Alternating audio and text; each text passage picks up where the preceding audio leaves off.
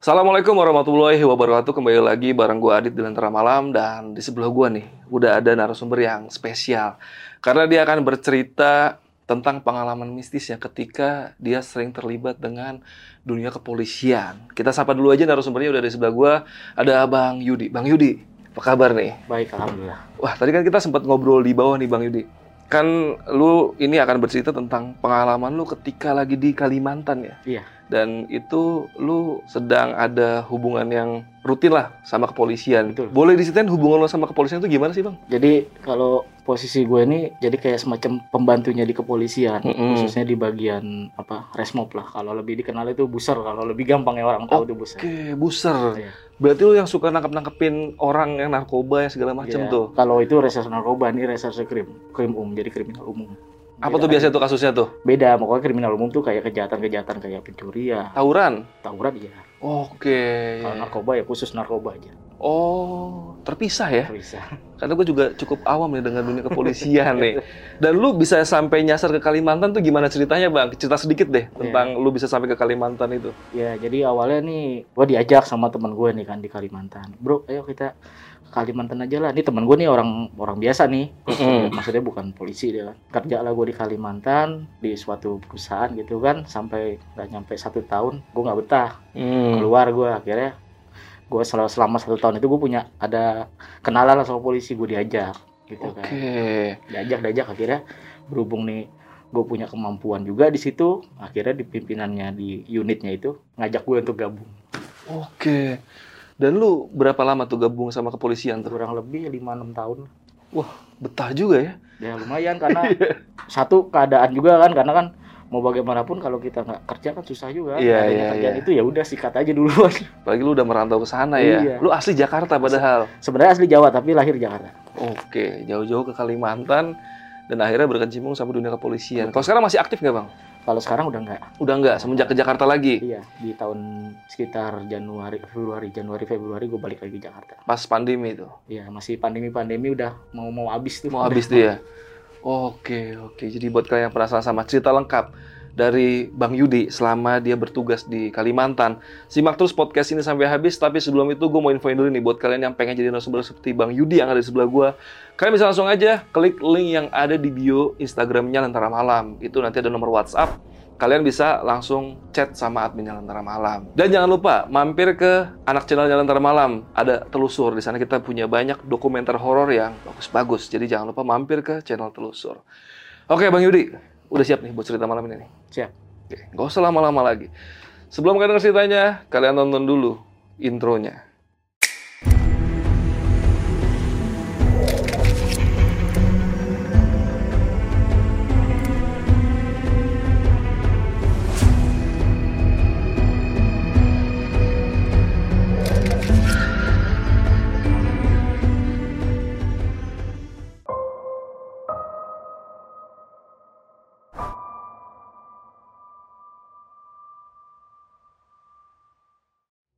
Awal mula kejadian itu di tahun 2017 ya bulan Juli kalau nggak salah sekitar. Juli itu kejadian di hari Jumat. Waktunya tuh siang-siang pokoknya setelah setelah sholat Jumat lah. Saya ini kan standby nih selalu di camp tuh kan di base camp. Nanti saya ceritain kenapa kita ada base camp nanti saya ceritain. Nah kebetulan ada salah satu rekan saya yang polisi ini ditelepon oleh pimpinan. Bilangnya ada maling ketangkap warga dikeroyok warga tuh katanya itu TKP-nya lumayan jauh tuh lokasinya lumayan jauh dari tempat kita. Nah akhirnya ini teman saya ngubungin bro di mana? Ada di camp nih. Ya udah kita gue datengin terus kita jalan ke TKP ada apaan? Ya udah nanti gue ceritain udah. Nah, cerita dijemput lah saya terus kita posisi waktu itu berempat yang tiga tuh anggota terus satu saya kami Hmm. berempat. Langsunglah kami nih ke TKP yang kurang lebih sekitar setengah jam lah perjalanan tuh lumayan jauh. Sampai di TKP si almarhum ini posisinya udah geletak gitu udah muka dengan muka lebam segala macam. Pokoknya udah bawa blur habis gitulah.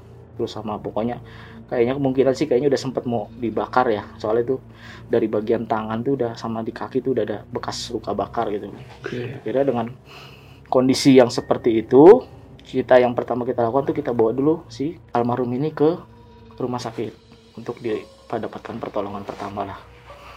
Nah udah kita antar kita serahkan ke pihak rumah sakit ke pihak UGD waktu itu. Habis itu selang berapa lama kita balik lagi ke TKP untuk nyari informasi bagaimana sih ini kejadiannya bisa Kronologinya seperti ini, ya, gitu ya. kronologinya kayak gimana kita cari dengar keterangan warga masyarakat sekitar bagaimana kok bisa terjadi seperti ini begini begini begini. Sekaligus kita cari yang bisa kita ambil nih Bu, untuk sebagai pelengkap buat laporan kita ke pimpinan kan? Apa yang kita cari. Habis itu dari keterangan salah satu warga itu jadi katanya dia mau transaksi jual beli motor. Oke. gitu. Lah cuman ternyata terus ada teriak maling maling maling gitu ya udah langsung spontan warga mukulin sampai Ngeroyok. kejadian seperti itu Oke.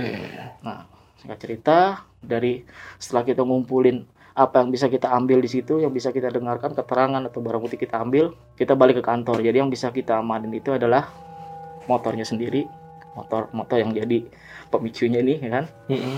kemudian celana si almarhum karena pelaku waktu itu kondisinya cuma pakai celana dalam sama kaos Oke. kaos doang.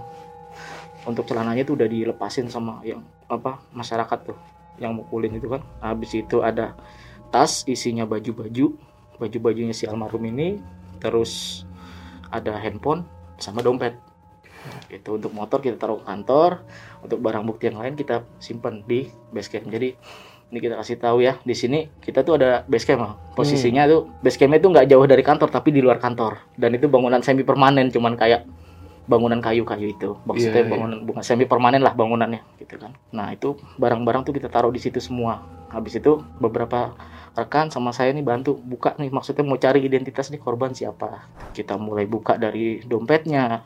Itu dompetnya KTP nggak ada SIM juga nggak ada pokoknya nggak ada identitas ada apa- apa pun cuman ada uang aja. Oke. uang uang dua ratus ribu kalau nggak salah dua ratus ribuan sama uang receh-receh gitu. Terus apa namanya kita buka di bajunya tuh apa tas bajunya tuh tas ranselnya kita buka. Itu juga nggak ada identitas apa-apa.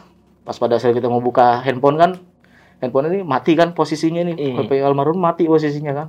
Itu kan HP-nya HP Nokia jadul tuh yang poliponik tuh. Iya, iya, iya. kayak gitu kan.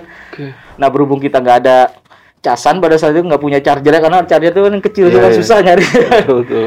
ya kan akhirnya ya sudahlah. Akhirnya singkat cerita ya udahlah biarin aja nanti dulu. Ya kan kita kesampingkan dulu nih perkaranya itu masalah masalah itu kita kesampingkan dulu. Kita lanjut ke kegiatan lain.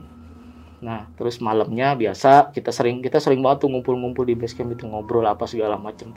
Nah Jumat malam tuh kita nggak ada kejadian aneh-aneh apa apa tuh nggak ada sampai dengan hari Sabtu siang sekitar jam satu lah setengah dua sekitar jam segitulah. Dapat info kita dari rumah sakit bahwa yang bersangkutan ini si almarhum ini meninggal meninggal dunia. Oke. ya kan? Meninggal dunia akhirnya kami semua datang ke sana kan ke rumah sakit tuh untuk ketemu sama dokter yang nanganin. Minimal buat laporan ke pimpinan kita pengen tahu penyebabnya penyebab dasarnya penyebab awalnya apa sih dugaan sementara penyebab dia meninggal. Mm-mm. Tuh, akhirnya katanya si dokter tuh ada pendarahan di bagian otak. Itu sumber utamanya, tapi itu masih sementara kan. Akhirnya kita laporkan ke pimpinan ke pimpinan dan pimpinan itu ngasih petunjuk untuk hubungi pihak identifikasi. Datanglah pihak Inafis ngambil sidik jari, pokoknya yang bisa diambil sidik jari, terus gigi, apa rambut diambil tuh kan. Nah, sidik jari agak susah tuh pihak ident tuh apa Inafis nih untuk ngambil sidik jari karena kondisinya kan Udah mulai kebakar iya, ya. ada bekas kebakar Iya. akhirnya Inafis laporan kita memang perlu beberapa waktu lah maksudnya untuk cari tahu nih karena kan kita nggak punya identitas sama sekali nih kita Iya. tanya di warga sekitar TKP itu nggak ada kenal yang kenal. nggak ada yang kenal belas nggak ada yang kenal jadi kita nggak punya apa-apa nih nih jenazahnya ada orangnya ada tapi kita nggak tahu dia siapa kan kayak gitu kan Iya. Akhirnya sudah dari rumah sakit kita laporkan pimpinan petunjuk pimpinan sudah pihak Inafis datang udah habis itu kita lanjut kegiatan seperti biasa. Muter patroli lah apa segala macem.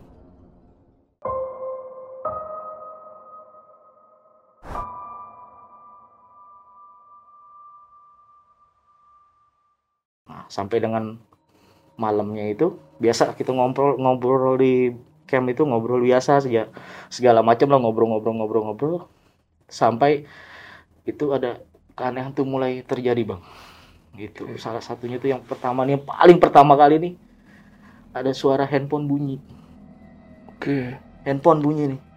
Ini karena kita nih ada di situ kurang lebih kalau nggak berenam kita bertujuh di situ tuh. Kita lagi ngobrol biasa dengar suara handphone kan kita lihat-lihatan kan? Iya. handphone siapa sih handphone siapa sih ya kan? Sampai akhirnya tuh kita tersadar nih kan. Wah saya ngomong nih saya sendiri ngomong eh jangan-jangan handphone si itu kali bunyi gitu kan.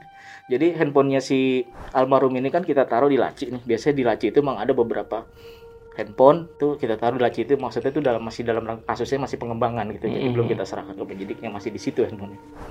Begitu saya buka lacinya tuh ya handphone Nokia jadul itu ya cuman itu doang. Dan suara handphone itu suara handphone Nokia jadul bang. Satu-satunya di laci handphone di laci yang ada handphone handphone itu cuman satu-satu handphone jadulnya cuman handphone itu doang Waduh. kan Tapi pas dibuka udah kondisi udah mati lagi. kondisi mati mati. Terkejut saya kan kaget saya. Waduh saya laporin nih. Mati bang HP-nya ah yang bener. Saking penasarannya saya nih bang. Pergilah saya nih ke counter handphone nih buat beli casannya nih pengen tahu gitu kan. Iya. iya.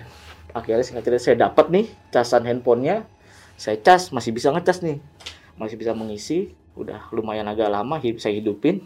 Terus saya cek kan nomor handphonenya si pelaku nih kan si Mm-mm. almarhum ini nih. Kita cek nomornya terus saya telepon nih pakai handphone saya. Ya suara nada dering itu sama dengan yang tadi bunyi itu. Waduh. sama persis suaranya. Kami kaget semua "Wih, kok sama ya? Waduh kenapa nih katanya? Itu keanehan paling pertama tuh. Ya sudah. Ah mungkin dia lagi ada di sini nih dia belum ini nih kan oleh barang-barangnya di sini semua kan Iya, katanya. soalnya kan pakaiannya dia di sini dompet dia di sini handphone di sini mungkin dia ngecek kali gitu kan. Ya kita ya udahlah mungkin karena kan ya kalau di dunia kami tuh udah biasa lah kalau penampakan yang masih begitu-begitu aja belum terlalu ini maksudnya ah udahlah gitu nggak terlalu kami ambil pusing gitu kan. Nah habis itu sekitar jam 10 jam 11 kita kan biasa muter dulu muterin daerah tuh muter muter muter dah patroli lah bahasanya kan dah. Ngumpul lagi di camp sampai dengan jam satu setengah dua tuh bubar kami pulang. Karena waktu Sabtu malam Minggu kan posisinya kan malamnya udah saya sendirian tuh di camp kan. Karena kan saya tinggal di situ juga bang. Di base camp itu juga saya tinggal. Oke. nah habis itu tidurlah saya bang. Biasa tidur. Nah pas pada saat itu tuh saya dimimpiin bang. Dimimpin oleh si almarhum ini. Mimpinya tuh bilang gini bang tolong tolong saya bang. Bukan saya pelakunya bang. Tolong saya bang. Dimimpin seperti itu bang. Saya terbangun di situ bang bangun saya. Langsung terkejut itu posisi masih ya bangun mungkin sekitar pokoknya belum sampai subuh tuh.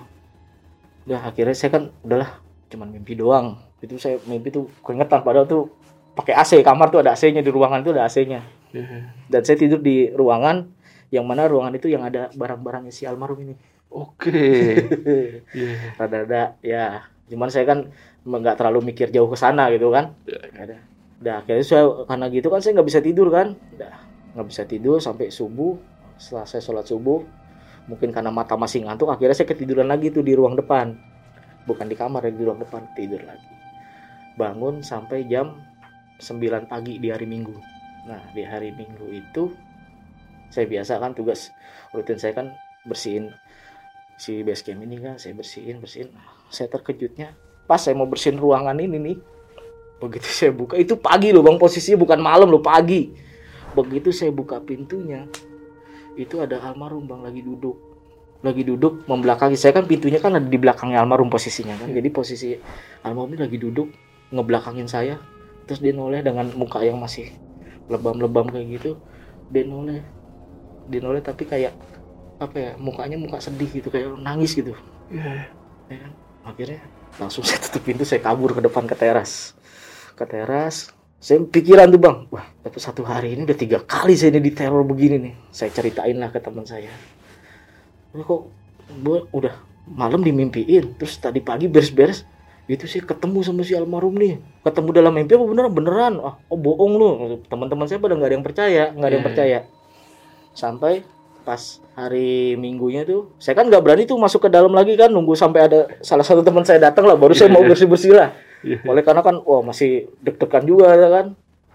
Akhirnya pas teman saya datang mulailah nih saya berani bersih bersih teman saya nih datang yang pertama ini nanya lagi ke saya. Lu bener dimimpiin. Bener. Yakin? Yakin. Berarti sama. Oke, ada yang sama mimpinya. iya. Terus ditanya dia bilang apa? Di mimpi ada ngomong ngomong apa ngomong? Bang tolong saya bang. Bukan saya pelakunya bang. Tolong saya bang saya bilang kayak gitu. Yang benar benar itu yang dibilang "Oh, sama. Ya, ya. lu kapan dimimpi semalam? Sama berarti pada saat malam itu juga. Iya. akhirnya waduh nggak bener nih kayak nggak beres lah kayak gini gini gini gini. Udah tuh sampai akhirnya hari minggu itu kan agak santai kan jadi teman-teman tuh datangnya masih ada yang sore lah ngumpul-ngumpul. Sampai ngumpul tuh kita hari minggu itu biasa tetap tetap kita tetap malam tuh pasti ada kumpul di base camp tuh tetap kumpul kita. Iya. ngobrol-ngobrol-ngobrol cerita lah saya. Cerita saya termasuk didukung sama teman saya nih. Tadi kan Iya. mereka pada nggak percaya nih. Karena Iya. ada teman saya nih ya pimpinan saya itu agak nggak percaya di situ kan. Mm-mm. wah kok gini ya? Kau gini ya? Begini begini begini waduh nggak jelas nih mulai nggak jelas nih kan kayak gitu kan. Nah, habis itu ya udah pimpinan saya bilang gini nih pimpinan di unit besar nih bilang begini ya udah biar besok saya ngadep ke pimpinan. Gimana nanti anu apa namanya petunjuknya beliau. Bagaimana? Ya. nah kita ngobrol udah. Minggu malam nih kan ngobrol-ngobrol sampai jam 12 waktu itu. Karena kan biasa kalau hari Senin itu kan suka ada apel pagi kan. Yang lain jadi pulangnya agak lebih cepat. Karena kebetulan nggak ada kejadian apa apa juga pada saat itu kan. Udah pada pulang semua kan. Tinggal saya sendiri dong tinggal saya sendiri nih bang Penghuni terakhir nih. ya. ya karena saya tinggal di situ kan penghuni penghuni di situ kan Iya iya. iya. akhirnya ya sudahlah mau gimana lagi sendiri tapi saya takut tuh bang saya nggak berani tidur di kamar itu lagi bang Iya iya. nggak berani saya tidur di situ rekan-rekan semua pulang buat saya di situ kan di base camp itu kan ada teras tuh udah ada kursinya saya turunin tirai di karena kan base camp itu di pinggir jalan bang pinggir jalan Iya. akhirnya saya buka tirai tidurlah saya di teras itu posisi menghadap ke jalan saya nggak berani masuk ke dalam situ lagi takut saya benar takut saya karena kan istilahnya apa ya mungkin selama ini saya belum pernah ketemu sama yang begitu dan sekalinya ketemu tuh langsung yang begitu dan memang saya tahu dari hidupnya posisinya waktu pas kami baru jumpa tuh posisi masih hidup tuh Iya, masih sekarat, sekarat iya, ya. masih sekarat tuh Iya. iya. Akhirnya minggu itu saya tidur aja tuh di situ sampai pagi.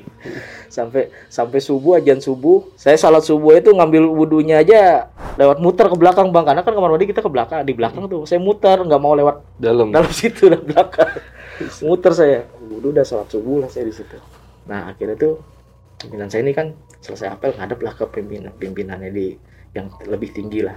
Ini kan petunjuknya dari pimpinan itu ngomong begini tanya ya udah eh ini aja pokoknya kasusnya nih harus dituntasin cuman kan kita harus nunggu data dari si dari pihak yang terkait kan biar Mm-mm. terang nih kasusnya gitu kan karena kan menurut pimpinan kami ini kan untuk pengeroyokannya kan eh, pelakunya udah ada nih udah tertangkap. Maksudnya Hmm. udah ada nih karena kan itu kan bukan kewenangan kami kan dari pihak penyidikan yang menyatakan oh ini bisa pelakunya gitu kan. Udah tertangkap tinggal masalah kasus pencuriannya nih. Cuman kan pencuriannya kita nggak tahu nih mau mulai dari mana. Iya iya. iya. gitu kan CCTV nggak ada di situ kan. Keterangan warga yang mengarah ke pencurian motor ini juga minim kan. Akhirnya kita tetap nunggu nih. Sampai dari pihak terkait itu ngasih informasi tersangka nih si ini loh gitu loh dari pimpinan kami itu nyampaikan lah ke kita kita ini termasuk ke saya di base camp tuh pas waktu sore itu. Datang ke base camp hari Senin tuh. Ngasih tahu ke kita kita harus nunggu begini begini, begini. Dari pimpinan- apa dari pihak terkait kalau tersangkain apa si almarhum ini siapa biar terang kasusnya. Akhirnya ya alhamdulillahnya nih pas sore sore sore nggak lama habis pimpinan saya ini ngomong nih sekitar jam empat setengah lima kita dihubungin gitu dari pihak terkait ini bahwa tersangka ini udah ada identitasnya udah berhasil diidentifikasi Oke. itu saya samarin aja tersangkanya apa si almarhum ini atas namanya Wadiran Mm-mm. kelahiran Lamongan alamatnya juga di Lamongan Jawa Timur Oke. dari situ kita koordinasi lah pimpinan itu koordinasi ke pihak di Lamongan anggota busar di sana untuk datangin ke lokasi sesuai dengan datanya ini ke Hmm. alamatnya. Bener nggak sih orang ini tinggi? Kalau ada orang tuanya mana atau saudaranya atau kerabatnya untuk ngasih tauin bahwa yang bersangkutan ini udah meninggal Iya. gitu kan. Nanti biar untuk jelasnya nanti biar dikirim ke apa di apa namanya dari pihak Lamongan kalau memang ada dapat saudaranya atau kerabatnya atau orang tuanya biar diterbangkan ke Palangkaraya maksudnya ditemukan dengan jenazah benar nggak ini anaknya? Iya. nanti kalau masalah untuk pemakamannya biar nanti gampang lah bisa diatur gitu kan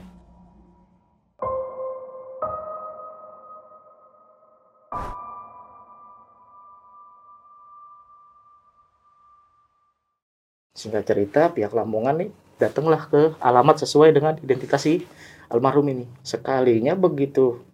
Sampai di sana ngobrol-ngobrol mungkin mencari informasi segala macam itu hari besoknya kalau nggak salah ya. Kalau nggak Selasa Rabunya lah. Oh Selasa deh Selasa Selasa. Selasa siang itu dari pihak Lam- Lamongan konfirmasi ke kita. Gitu bahwa sudah didatangi alamat rumahnya. Ternyata memang benar dia tinggal di situ. Dia tinggal cuman sama ayahnya doang berdua. Hmm.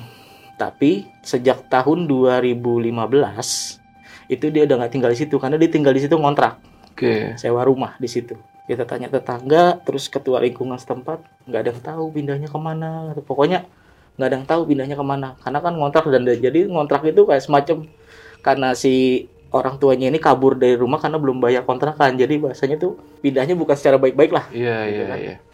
Jadi nggak ada yang tahu pindahnya ke mana. Saudaranya juga nggak ada. Kita nggak tahu saudaranya di mana. Akhirnya kita dari pihak Lamongan tuh nitip pesan lah ke ketua lingkungan sama warga setempat. Kalau memang ada kerabat atau orang tuanya datang ke sini atau siapalah yang kenal sama si ini tolong informasikan bahwa yang bersangkutan ini almarhum ini sudah meninggal dunia di Palangkaraya. Kalau untuk lebih jelasnya nanti biar ke kerabat yang berkaitan aja. Kalau yang yang bukan hubungan keluarga ya mohon maaf nggak bisa kita kasih tahu. Iya, iya. terus kita tanya pribadinya beliau nih si almarhum nih kayak gimana? Gitu. Dari pihak warga sekitar tuh ngasih tauin kalau si almarhum ini emang anak nakal lah. Hmm. anak nakal. Nah, karena kan masih muda tuh sekitar umur tuh masih 23 24 tahun nih. Jadi memang yang bersangkutan nih emang nakal gitu sering bikin onar lah di situ Iya. gitu kan. Sampai akhirnya pas di 2015 itu dia berantem sama ayahnya. Terus dia kabur nggak tahu ke mana. Selang berapa bulan bapaknya yang kabur dari rumah situ. Cuman nggak tahu ke mana juga. Iya, iya, iya. akhirnya ya sudahlah bahan berdasarkan dari keterangan dari pihak Lamongan kita laporkan di ke pimpinan nih pimpinan saya ngelapor ke pimpinan yang paling tinggi lagi akhirnya pimpinan yang lebih tinggi lagi ngambil keputusan oh ya sudah berarti apa namanya yang penting identitasnya sudah ada jadi paling enggak bukan dikuburkan dalam statusnya Mr. X gitu Iya, kan. iya. ada namanya Ada ada, namanya. identitasnya gitu kan akhirnya pas hari Rabunya nih kita makamin lah almarhum nih kita makamin dengan layak selesai dimakamin malamnya kita buat pengajian Oke. buat pengajian buat mendoakan almarhum nih biar tenang begini pokoknya kita doain lah selesai penga itu kan pengajian tuh habis isya ya habis isya saya pengajian kan sekitar jam 9-an tuh. Yang pengajian pengajian bapak-bapak pengajian ini udah pada pulang semua. Tinggal kita kita nih semua biasa nongkrong lah di situ kita ngobrol-ngobrol malam. Nah terus saya ini ngomong gini. Yuk ada kopi? Ada. Mau dong kopi. Sekalian nih bikinin berapa kah? Oh iya siap. Sama bikin bikin mie kah atau apa kah? Oh iya siap bis. bisa nanti ini mah gampang tinggal beli. Itulah ke dapur. Kan karena saya pembantu kan di situ kan, saya pembantu kan bikin kopi aja udah ke belakang masak air. tas. Pas lagi masak air nih di belakang sa- sambil nuangin kopi-kopi ke gelas tuh ada salah satu teman saya nih namanya si Rehan lah kita panggil aja namanya Rehan. Datang ke belakang ngomong sama saya gini bikin apa yud? Lagi bikin kopi nih sama teh lah sekalian buat itu yang masih pada rekan-rekan di depan baru saya ngobrol gitu. Oh iya kak.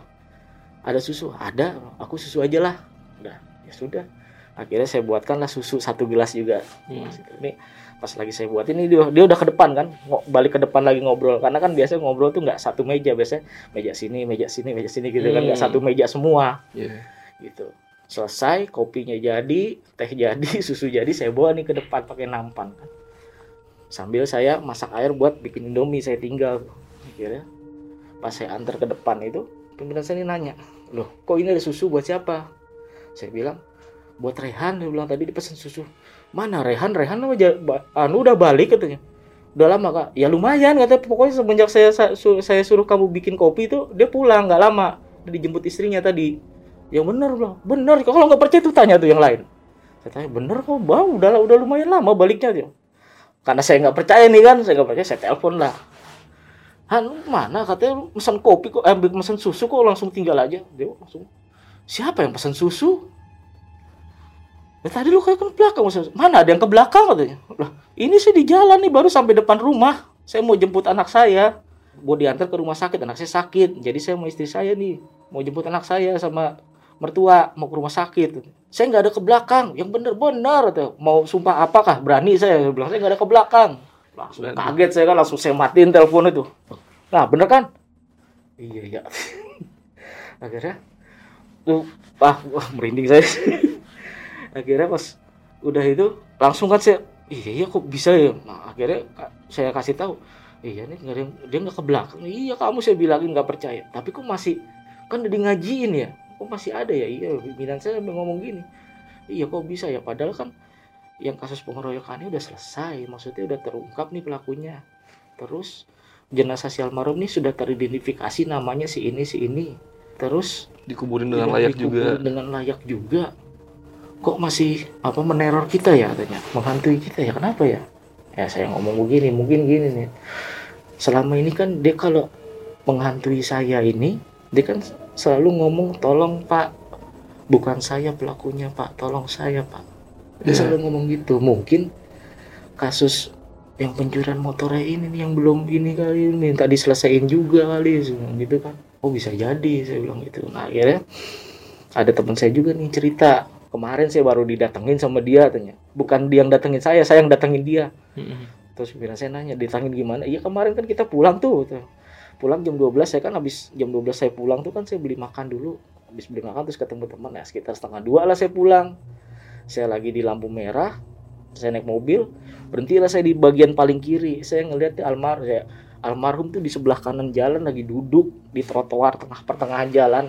Antara jalur yang ke sini sama jalur tengah sana kan ada trotoar itu tengah tuh kan median jalan tuh. Iya, dia iya. duduk di situ jong apa duduk biasa gitu aja dulu sambil nunduk.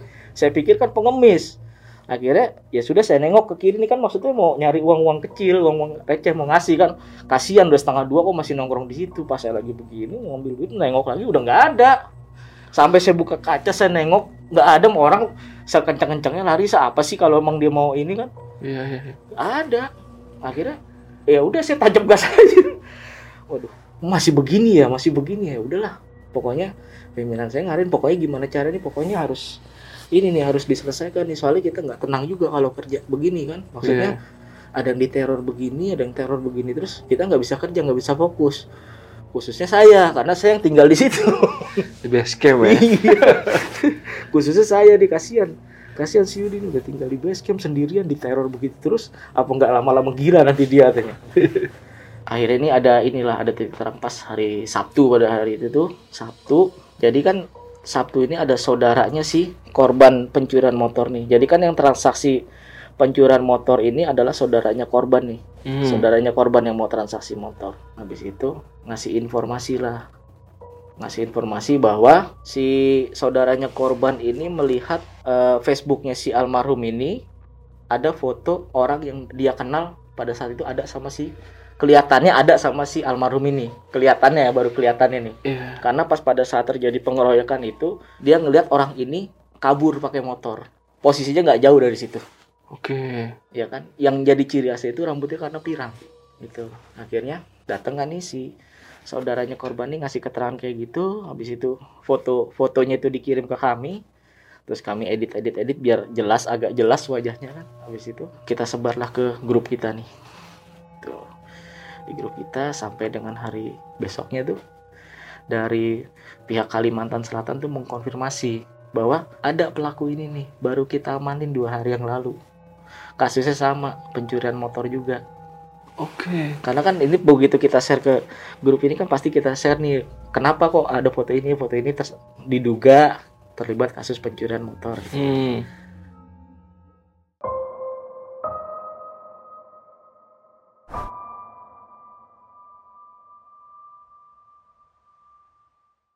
begitu dapat informasi itu kan langsunglah kita berangkat ke Kalimantan Selatan. Sampai di Kalimantan Selatan kita ketemu sama pimpinannya di sana. Terus kita temuin nih si yang kami duga pelaku ini kan. Mm-mm. kita tunjukin lah foto motor itu. Kamu ngambil nggak motor yang di sini nih? Terus langsung lah dia bilang pada situ iya pak saya ngambil. Habis itu motornya ke mana? Saya kasih ke almarhum untuk dijual. Singkat aja tuh kan. Karena waktu itu kondisi udah malam kita berangkat kan nyampe habis itu langsung kita izin sama pimpinan di Kalsel untuk bawa orang ini Oke. ke Kalteng karena dia ada kasus di Kalteng nih. Kita pokoknya ini si pelaku ini nih karena tadi yang kita duga diduga pelaku kan udah sah nih pelaku karena dia udah Hmm. mengakui kan di situ. kan. Ya. Mm, akhirnya kami izin sama pihak Kalsel untuk kami bawa. Akhirnya begitu kami bawa baru kita interogasi selama perjalanan. Itu kronologisnya gimana? Diceritain lah. Jadi pada saat di hari Jumat subuh itu sekitar jam 2-an dia ngambil motor itu. Tanya main sama siapa? Saya sendiri pak. Kamu sendiri? Iya saya sendiri. Saya jalan kaki. Posisi antara si rumah korban dengan si pelaku ini rumahnya nggak terlalu jauh lah kalau pakai jalan kaki. Habis itu motornya kamu bawa ke mana? Saya bawa ke tempat saya pak kontrakan saya. Setelah itu motor itu saya foto terus saya posting ke di media sosial saya untuk saya tawarkan ke teman-teman saya Hmm. termasuk ke si almarhum niatnya itu saya mau jual cuman karena nggak ada yang tertarik mungkin karena nggak ada dana kan nggak ada uang si almarhum ini menawarkan diri untuk apa namanya memposting ulang di sosial media dia motor si curian ini Ngebantu jual. iya bantu ngejualin Oke. akhirnya setuju lah nih diposting lah pas diposting itu di apa sosial medianya si almarhum ini langsung ada yang mau motor itu Oke. yang ternyata yang mau itu adalah si saudaranya korban pencurian ini Oke. ya. akhirnya si saudaranya korban ini lapor dong ngasih tauin dong ke Iya. korbannya kan padahal ini si korban ini niatnya begitu kejadian motor itu hilang kan dia sadar kan jam setengah empat pagi. Pas pada saat si saudara korban nelpon tuh dia baru sadar ya kan? Padahal paginya tuh dia mau nelpon apa mau bikin laporan Ke paginya iya. Iya. bikin laporan motor hilang. Cuman kan kalau di sana mungkin mungkin ya orang kan pikirnya nanti kalau udah nyampe di polisi susah motornya gini kalau diambil. Mungkin ya namanya orang kehilangan pasti cuman pengen barangnya balik doang kan Tuh. gitu kan. Iya, iya. itu udah umum aja lah orang kalau barang hilang pasti pengennya balik dulu kan. Iya. Pengen- pengennya balik doang udah terserah mau ininya bagaimana pelakunya ngapain kayak nah kembali ke si pelaku pas diposting itu kan si saudaranya korban nih yang mau nih. Akhirnya janjian lah mereka setelah jumatan apa Hmm. Nah, se- setelah Jumatan janjian di sini. Apa? Oh, sorry, bukan setelah Jumatan, sebelum Jumatan. Hmm. Sebelum Jumatan janjian di sini. COD-an lah nih ya. Iya, Ciudean. Iya. Itu tempatnya jauh dari pemukiman warga jauh, tapi ya maksudnya kalau ada kendaraan lewat banyak situ. Mm. Gitu kan. Pas sebelum sholat Jumat sekitar jam 11-an, itu kan paginya pas begitu udah ada yang mau nih si almarhum ini ngasih tauin ke pelaku Mm-mm. bahwa motornya sudah ada yang mau, harganya sekian. Oke. gimana si pelaku ini bilang oke. Ya udah nggak apa-apa. Terus gimana caranya? Ya udah lang- anu langsung bawa motornya nanti langsung bayar katanya gitu. Akhirnya ya udah. Si pelaku bilang nanti ya udah kita jam setengah sebelas jam sebelas lah kita ketemu di sini. Gitu kan. Hmm. kamu janjiannya di mana? Dia janjiannya di tempat B. Ya udah kita janjiannya di tempat A. Itu posisinya nggak jauh dekat banget. Iya, iya. ya kan kita anggap aja ya kan ini janjiannya di tempat B si pelaku sama si almarhum ini janjiannya di tempat A kalau Hmm. janjian COD-nya tempat B Iya, iya, iya. datanglah nih si almarhum bawa motornya ke tempat B ini ketemu sama si pelaku Oke. pelaku nih bawa pelaku kan bawa motor curian almarhum nih bawa motor sendiri Heeh. mereka tukeran motor Tukang motor. tukeran motor si pelaku bawa motor almarhum almarhum bawa motor pelaku Iya. untuk ditransaksikan datang set nunggu nunggu nunggu dicat lagi nih takutnya kan PHP nih dicat lagi sama si almarhum nih anu aja aku nggak jumatan juga kok nanti aja pas pokoknya pas deket-deket orang jumatan bubar gitu lah akhirnya. Hmm. Udah itu kan posisi tinggal paling ya setengah jam lagi akhirnya udah balik lagi nih si almarhum ketemu pelaku. Mana kok masih di bawah motor? Ya orangnya minta mundur sedikit katanya gitu. Oleh yang anu yang mau beli motor anu duitnya lagi diambil dulu alasannya kayak gitulah orang akhirnya pas detik-detik orang lagi sholat jumat itu datanglah nih si apa saudara si pelaku nih eh saudaranya si korban. Heeh. datang ke tempat situ terus langsung chat si apa almarhum. Aku udah OTW ini udah dikit lagi sampai ini kan saudaranya korban ini datang berdua nih Heeh. boncengan motor. Karena kan biasa kalau beli motor kan nggak mungkin datang sendiri ntar bawa motornya gimana kan? Pasti Iya. berdua kan boncengan. Akhirnya ngechat lah nih si sama saudaranya korban ngechat ke almarhum. Aku udah di sini nih. Dikit lagi sampai bilangnya begitu. Akhirnya si almarhum ini datang dari seberang dari tempat B tempat B sama tempat tadi posisi berseberangan tapi agak menyerong tempat itu. Hmm, iya. ya kan?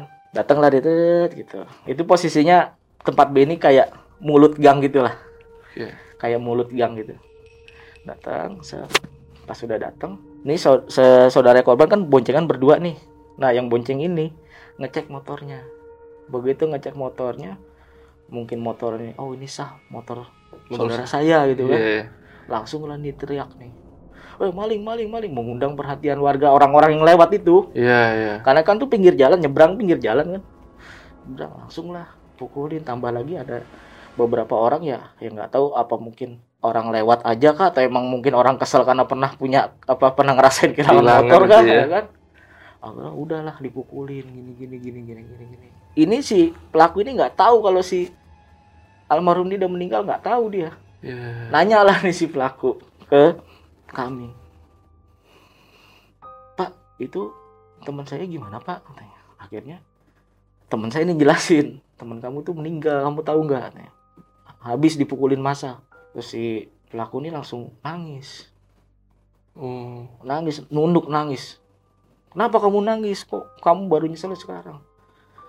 Sekalinya pelaku ini emang udah pada saat kejadian si almarhum ini dipukulin dia langsung kabur. Dan memang benar pernyataan saudara si korban nih pada saat si ada si almarhum dikubur eh, dipukulin ini Ada yang lagi- kabur eh, gitu ya? ada yang kabur Ya, gitu. mungkinan itu temennya soalnya kaburnya kenceng banget pak bawa motor. Ya, ya. ciri khasnya rambutnya pirang kan kayak gitu.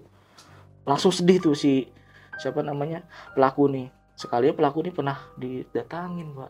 Didatengin sama si almarhum berapa kali ke kontrakan jadi si pelaku ini kabur bawa motornya si almarhum motor almarhum ini digadaikan lah ke orang di Kalimantan Selatan duitnya buat sewa kontrakan sama buat biaya hidup dia sambil dia nyari nyari mangsa motor lain buat di Colong lagi. Iya, akhirnya tertangkaplah sama anggota polisi di Kalimantan Selatan. Ya, ya. Itu.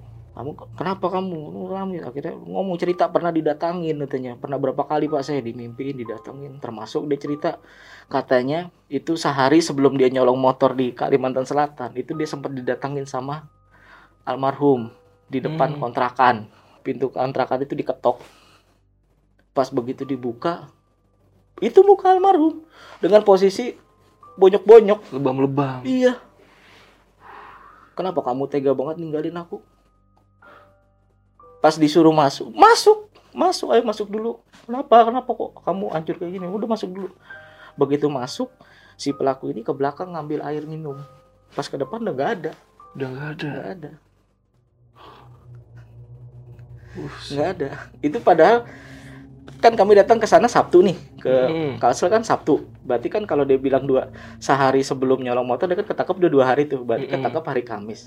Berarti hari Rabunya dia kan masih di situ tuh. Iya. Sementara dia meninggalnya kan dari Sabtu kemarin. Iya, iya, iya. udah berapa hari? Gokil. Terus habis itu gimana tuh kelanjutannya? Habis itu nggak ada nih Pak teman saya hilang katanya gitu. Langsung saya keluar dari rumah situ udah dikontrakan saya nggak berani tinggal di situ sampai pagi.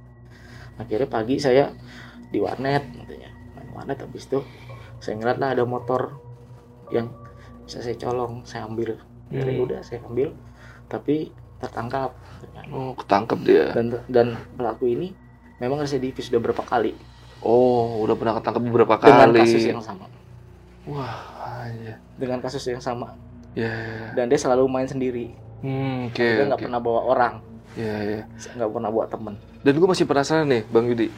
Ini kan berarti si almarhum ini bukan yang eh, nyuri mo- motornya ya? bukan bukan Dan itu dapat data nggak? Dia itu memang penada atau apa gitu si almarhum ini? ya sebenarnya kalau misalnya dikaitkan dia ada maksudnya ada pasalnya dia, Hmm. dia pernah ada kan pasalnya kan 480 nya ada itu Mm-mm. kan karena dia kan memasarkan barang hasil kejahatan meskipun dia tidak tahu Tapi dia tahu nggak sebenarnya si nggak tahu almarhum? nggak tahu kalau itu motor curian dia nggak tahu Oh. soalnya tuh ya mungkin ada beberapa lah kalau misalnya di daerah Kalimantan tuh di daerah beberapa daerah di Kalimantan kalau motor yang nggak ada surat-suratnya udah biasa aja Oh, iya iya iya. Ya, Emang sih ada banyak daerah-daerah yang motor bodong itu ya hari-hari memang I- pada i- pakai motor bodong begitu. iya itu biasa aja Oh. dan dipikir nih si almarhum pos lagi nggak punya uang kan Heeh. ya kan mungkin dia lagi terdesak kebutuhan terus apa ada ada barang yang bisa dipasarkan mana tahu kalau nya terjual kan dia pasti dapat duit gitu Iya, kan. iya, karena iya. emang si pelaku ini menerangkan juga karena kalau motornya itu laku nanti kamu dapat 30% saya 70 karena saya yang punya motor Hmm. Oke oke. Jadi ini eh, masuk akal juga sih karena kalau si almarhum itu tahu motor itu motor curian, pasti tuh dia jualannya secara hati-hati banget tuh. Iya. Gak main asal posting Facebook terus COD yang di pinggir jalan, di tempat-tempat terbukti ramai. apa? Terbukti apa pelaku ini begitu motoin motornya terus diposting di Facebooknya dia, Facebook bodong ya, Facebook palsunya dia. Dia cuma nge-share ke beberapa temen yang dia kenal. Oke. Sementara almarhum ke Facebook secara luas. Iya, meskipun tuh Facebook bodong ya, Facebook palsu. Iya, iya, iya. Dan mungkin yang korban yang lagi kehilangan motor lagi nyari-nyari juga nih di saudaranya, internet. Saudaranya, ya. Jadi, Jadi nyari. jadi pas begitu ketemu. motornya hilang, kan dia nyadarin motor hilang tuh. Heeh. Dia nelpon saudaranya korban ini, akhirnya dia iseng lah buka-buka Facebook karena kebetulan dia lagi nyari barang apa saya lupa. Pokoknya dia lagi nyari barang lah di Facebook. Mm. Dapatlah foto motor itu. Di subuh-subuh tuh. Iya, Jadi sebenarnya iya. nggak lama motor ketemu itu nggak lama dari habis dicuri itu langsung diposting nggak lama.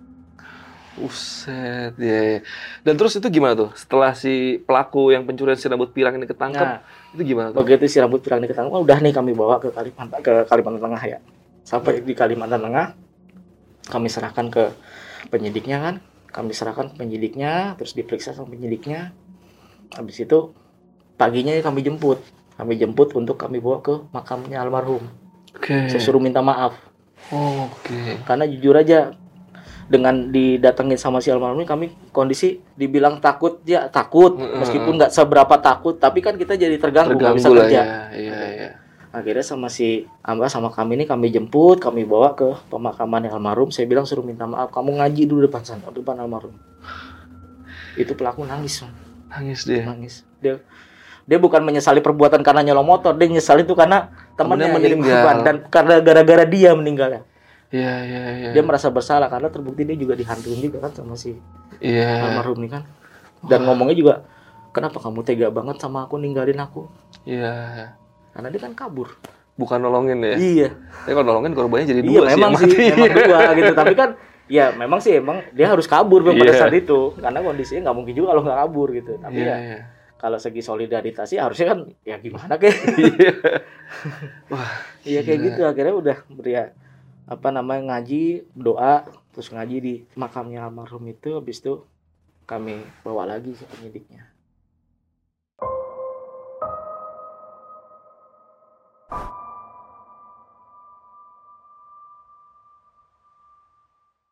Itu kan pas hari minggunya tuh. Mm-mm. pas hari minggu kami seperti biasa nongkrong habis nongkrong nongkrong itu kami pulang nah seperti biasa saya tetap sendiri di base camp Oke. dengan kondisi masih ya pokoknya selama saya di mimpi itu saya selama itu tuh saya tidurnya di depan teras itu sampai pagi setiap hari itu selama berapa hari itu akhirnya saya pikir nih ah udah selesai inilah masa iya sih pencuriannya sudah terungkap masa iya masih datangin tidurlah saya tapi saya nggak tidur di kamar, itu Nggak berani, masih belum Iya. berani. Iya nggak nggak berani. Padahal barang-barang itu udah nggak ada udah kan karena kan kasusnya udah dilimpahkan ke penyidiknya kan. Iya, Jadi iya. kami serahkan lah ke penyidiknya. Barang buktinya tuh kan. Saya tidur tetap di ruang tamu, nggak di kamar saya nggak berani di dalam tapi di ruang tamu. Iya. Saya tidur saya dimimpiin sama almarhum nih Eh, masih dimimpiin tapi kondisinya tuh mukanya udah bersih udah bersih. dia pakai jubah putih tetap posisinya membelakangi saya dan dia tersenyum habis itu hilang Nggak ngucap apa-apa. Enggak. Dia cuma tersenyum enggak. Ya mungkin senyumannya itu nganggap ucapan terima kasih Terima lah. kasih gitu ya. Wah. Dan sempat tanya ke teman yang lain nggak ada yang mimpin lagi nggak? Ada, Ada juga. ada. Siapa tuh bang yang dimimpin? Ya sama teman saya pokoknya ini kan kami berempat ke sana. Iya iya. Tiga orang yang polisinya, satu orang saya. Mm-mm. Ya pokoknya kami yang sering dimimpiin atau sering ditampakin oleh si almarhum ini cuma kami berempat aja, nggak ada yang lain. Iya, iya, iya. Dari sembilan orang, sepuluh sama saya ini cuma kami berempat orang. Berempat doang yang sering didatengin ini berempat ini aja, nggak ada yang lain. Makanya kalau apa ngurusin kasus dia sigap gitu ya cepat ke sana iya, gitu iya ya. karena ya karena saya merasa nggak tenang kan? Kondisi nggak tenang gitu gimana sih kok? Maksudnya waktu pas tersangka pengeroyokannya udah diamanin udah bisa diamanin masih datang ya kan? Identitas pelakunya sudah ada identitas si almarhum ini udah ada masih nongol juga. Kita makamin dengan layak kok masih nongol juga? Gelar pengajian masih nongol juga sampai akhirnya pencuriannya terungkap pelaku sebenarnya siapa barulah saya terakhir itu dimimpin sama almarhum tuh itu Setelah itu udah nggak ada lagi. udah nggak Aman. lagi. alhamdulillah aman Gokil, gokil. Ceritanya Bang Yudi mantep banget nih. Wah. Ini teman-teman lu yang tiga pasti masih inget banget nih tentang Masih- kejadian ini. masih Mungkin kalau dia nonton podcast ini dia ketawa paling. Oh, iya benar gue juga ngalamin kayak gini. Karena dia terakhir juga mimpinya sama dia pakai baju putih gitu. Sama. Sama persis. Sama persis. Tapi yang dimimpin itu cuma saya berdua nih sama teman saya. Pokoknya Iya. antara kami berempat nih, yang paling yang paling sering saya. paling sering ya. Paling sering saya. Karena saya statusnya mungkin ya nggak tahu karena saya tinggal di situ atau Mm, karena mm, mm. barang-barang si almarhum masih di situ Iya, iya. atau gimana. Ya, saya nggak tahu. Pokoknya yang lebih sering saya. Oke. Wah, gokil, gokil. Ini berarti sampai kasus selesai pun ini keluarganya masih belum ketemu ya keluarga si almarhum ini ya. Kalau sepengetahuan saya sih belum. Si bapaknya kan Iya. terakhir informasi dia sama bapaknya tinggalnya ya. Dia tinggal sama bapaknya, cuman Pisah dia- gitu ya. Teman pas 2015 itu dia berantem sama bapaknya, dia kabur nih si almarhum, Mm-mm. nggak tahu kabur ya pokoknya ada tiba-tiba ada di Kalimantan aja orang itu. Iya. Sementara bapaknya selang berapa bulan kabur juga, Kabur juga. karena kan statusnya itu kontrakan belum bayar. Iya, kabur dari kontrakan Iya. dia nggak bayar ya. Wah. Iya. Heeh, jadi warga situ, ketua lingkungan kita tanya nggak ada yang tahu pindahnya ke mana. Cuman kami titip pesan memang sama warga sekitar, sama ketua lingkungan di situ. Kalau memang ada kerabat atau saudaranya atau siapa yang nyari si ini di sini, Mm-mm. ya kasih tahu aja. Oke, oke. Itu si almarhum sudah meninggal di Palangkaraya. Tapi kalau untuk masalahnya kenapa, kenapa, kenapa kami tidak bisa menjelaskan kecuali yang bersangkutan keluarganya langsung. Hmm. Maksudnya dari dari pihak Lamongan kan kasih tahu kayak gitu. Oke, oke. Ya, ya. Oke, nih buat kalian yang eh, masih penasaran sama cerita dari Bang Yudi ini, pengen tanya-tanya, silakan kalian tanya-tanya di kolom komentar. Tapi gue pengen menanyakan sesuatu yang di luar cerita sedikit nih, Bang Yudi nih. Lu kalau mau mau jawab boleh, kalau enggak ya nggak apa-apa nih, Bang Yudi. Cuman Hmm. ini gue agak agak agak aneh sih pertanyaannya ya. Ini mitos-mitos yang sering gue denger nih dari kalangan kepolisian nih, Bang Yudi nih. Kan gue suka aneh tuh di TV. Kadang-kadang ada pelaku kejahatan yang padahal udah di ujung berung ngumpetnya segala macam tetap aja ketangkep gitu ketahuan tuh posisi di situ di situ dan banyak yang cerita juga mitosnya katanya sebenarnya di kepolisian tuh ada dukun ya emang benar gitu bang Yudi apa apa ini salah kaprah atau gimana tuh bang Yudi Sebenarnya gini ya, Bang ya. Kalau masalah dukun tuh kan kembali ke masalah orangnya kan, ke personalnya masing-masing nih, iya iya ya kan? Karena kan kita kan punya metode sendiri, Mm-mm. ya kan? Metode ada metode manual, ada yang pakai teknologi apalah kita nggak tahu kan. Mm-mm. Ada punya pokoknya punya cara masing-masing. Kayak Iya. kalau misalnya bagi orang yang si umpama si anggota ini percaya kalau pakai dukun bisa ketemu ya monggo. Heeh. Kalau enggak ya nggak apa-apa pakai metode yang udah diajarin di di, di kepolisian aja. iya Gitu, iya jadi iya. Ya itu kembali ke masing-masingnya aja. Oke. Enggak enggak saya nggak bisa bilang enggak itu mitos. Enggak saya bilang wah semuanya pakai nggak bisa juga saya bilang karena tuh tergantung masing-masing orangnya. Oke, nah kalau buat lu Bang Yudi sendiri dan teman-teman tuh biasanya metodenya gimana tuh buat nangkep orang yang susah gitu? Kalau Boleh gak sih kayak gitu? kalau kayak gitu sebenarnya sih agak rahasia ya kalau Heeh. pakai apa secara secara itu pokoknya intinya rahasia lah caranya karena ini kan Heeh. bahaya nih kalau kita Iya iya iya. pokoknya ada lah trik-trik khususnya kita nih saya ada trik-trik khususnya kita Heeh. kalau untuk istilahnya nyari pelaku kejahatan agak susah kita punya trik-trik khususnya sampai gimana caranya bisa terlalu ada cara-caranya tersendiri gitu Oke. Dan memang kadang-kadang ya pokoknya intinya ada manualnya juga ada cara manual nyari-nyari nanya-nanya ke orang lah ada ada yang pas kebetulan nanya sekalinya kenal sama si pelakunya gitu kan Oke. tahu juga. Caranya itu manual ataupun mungkin ini kali ya. Pakai teknologi ada mungkin ya. Iya, tapi lu sendiri pakai dukun nggak? kalau Dari tim lu ya teman-teman gitu. Kalau Pernah nggak kejadian sampai ketemu gitu sama dukun gitu? kalau saya sih biasanya ini apa mak- bukan bukan bukan dukun ya jatuhnya kayak kayak penasihat spiritual ya tapi itu Oke. kalau biasanya bukan buat nangkep pelaku kejahatan biasanya nyari orang hilang Oh. kan di sana tuh ada sungai kan banyak Iya, sungai, kalau yang orang hanyut hilang di sungai itu kita minta lah sama penunggu situ. Mm-mm. bahasanya kuncen lah kuncen situ. Gimana cara belum ketemu? Ya dia biasalah ritual apa segala macam. Ya kadang kita harus jalani juga. Hmm, iya iya iya. Berarti intinya kepolisian pun menggunakan segala cara untuk eh, mendapatkan eh, sesuatu lah ibaratnya kayak mau nangkep orang, mau nyari orang hilang ibaratnya Iya. coba aja lah mau pakai dukun apa coba dulu aja siapa tahu ketemu gitu. Makanya saya bilang ini bukan dukun saya bilang nih kayak misalnya gini ini kalau kalau saya bicara untuk orang hilang ya kalau orang hilang misalnya ya hilang di sini nih di sungai ini ya biasanya kalau sungai-sungai kayak gitu kan pasti kan ada penunggunya lah Iya iya. maksudnya iya. maksudnya kuncennya lah ada ya kita temuin lah Oke. Tetep iya, iya. tahu orang tua di situ Oh petuah di situ, Iya. petuah adat di situ ya. Iya kita iya. sampaikan nih "Ih, hari ini ini gitu Oke oke. Nah ini eh, produser kita mau nanya si Rara nih, mau nanya apa Ra? Silakan Ra. Kan kalau misalkan eh, punya punya trik-trik khusus juga kan. Hmm. Nah kalau yang sederhananya ada pernah nggak sih kan di banyak lah di media sosial gitu. Kayak jadi tukang bakso kayak jadi tukang mie ayam gitu. Ada. Nyamar-nyamar. Itu pernah nggak abang? Ada. ada. Memang ada juga yang kayak gitu-gitu ada juga yang bahasanya.